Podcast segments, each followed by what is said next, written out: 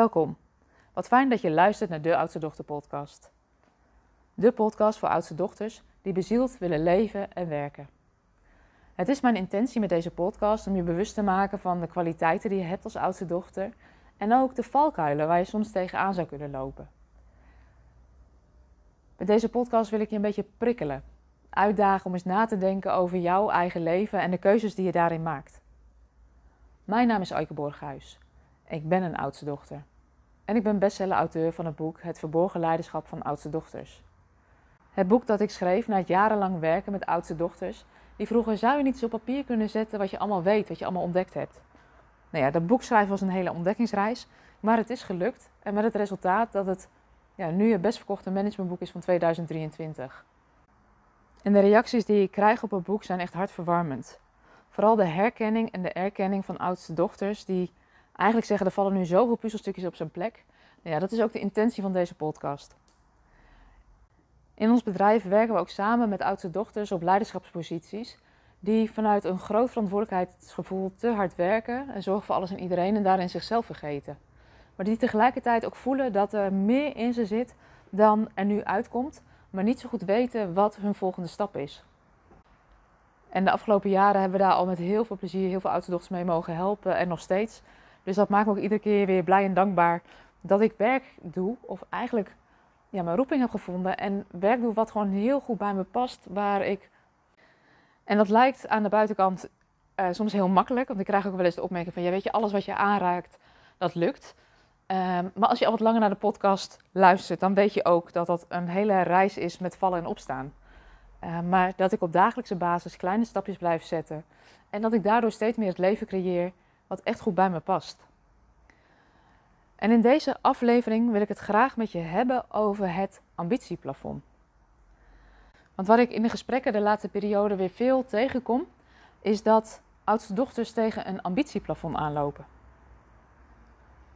En ik weet niet hoe het met jou is, maar als ik online kijk of in kranten of in magazines, dan wordt er vaak gesproken in artikelen over glazen plafonds. En een glazen plafond is een metafoor voor een onzichtbare kunstmatige hindernis in organisaties bij het innemen van topposities door vrouwen. Je krijgt dan als vrouw niet de kans om de toppositie in te nemen, ook op het moment dat je daar eigenlijk wel geschikt voor bent. En bij een glazen plafond heb je vaak te maken met externe factoren. Waar ik de laatste tijd en waar ik het in mijn boek ook over heb, is dat ik iets anders zie gebeuren bij oudste dochters. Oudste dochters lopen namelijk niet alleen aan tegen een glazen plafond, maar ook regelmatig tegen een ambitieplafond. Maar wat is nou eigenlijk een ambitieplafond? Je zult niet de eerste oudste dochter zijn die grotere ambities heeft dan de mensen in haar omgeving. Je kunt dit herkennen doordat je weet dat er meer in je zit, maar dat je nog niet voluit gaat in je leiderschap. Je voelt aan alles dat je er wel aan toe bent om die volgende stap te zetten. Dus je gaat aan de ene kant sta je met je voet op de gaspedaal. En aan de andere kant merk je stiekem dat je toch ook de handrem nog wat aantrekt. Je kunt het in de praktijk merken dat je soms nog inhoudt of tussenstappen bedenkt. Of je kleiner maakt dan je eigenlijk bent, uit angst om mensen voor het hoofd te stoten of om te veel te zijn. Je spreekt je ambities niet uit, omdat mensen in je omgeving meestal vanuit de beste intenties jouw ambitie ook niet begrijpen. En als je ambities wel uitspreekt, dan merk je dat mensen in je omgeving je eerder proberen af te remmen, in plaats van je te stimuleren om je dromen achterna te gaan. Je krijgt dan opmerkingen als: ja, maar je bent ook altijd zo ambitieus. Of uh, je werkt al zo hard, zou je het niet eens een tijdje wat rustig aandoen? Of ja, die droom van jou, je kan dat wel willen, maar dat gaat je niet lukken. Het ambitieplafond heeft vaak te maken met een sterke intrinsieke motivatie in jezelf. Omdat je diep van binnen weet dat er meer in je zit dan je nu laat zien. En tegelijkertijd kun je ook bang zijn om je ambitie achterna te gaan. Want stel je toch eens voor dat het niet zou lukken. Je kunt dan merken bij jezelf dat je denkt: is mijn droom niet veel te groot? Is het wel realistisch wat ik wil? En het klopt ook dat je nog niet alles in huis hebt om datgene wat je wil realiseren al te kunnen. En dat is precies de bedoeling. Je ambitieplafond hangt namelijk samen met je roeping. Het is de bedoeling dat je onderweg de vaardigheden leert die je nodig hebt om dat leiderschap op je te nemen. En wat daarin voor mij heel veel ruimte geeft, is dat ik tegen mezelf heb gezegd: ik ben een lerende leider. En wie weet werkt dat voor jou ook. Wat ik zelf de afgelopen jaren heb ontdekt, is hoe belangrijk het is als je grote ambities hebt om je te omringen met gelijkgestemde ondernemers en leiders die ook een hoog ambitieniveau hebben. Die je stimuleren als je groot droomt in plaats van beren op de weg te zetten waardoor het niet zou kunnen. Je om te omringen met mensen die een grotere versie van jou zien. En als ik kijk naar mezelf, dan heeft dat heel veel verschil gemaakt en nog steeds.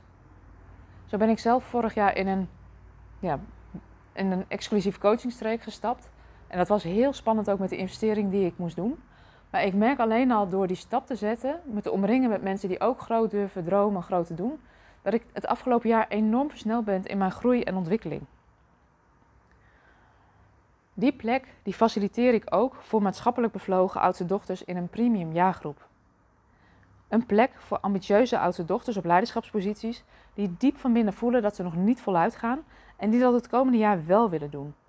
Om meer impact en winst te maken op alle gebieden zonder harder te werken.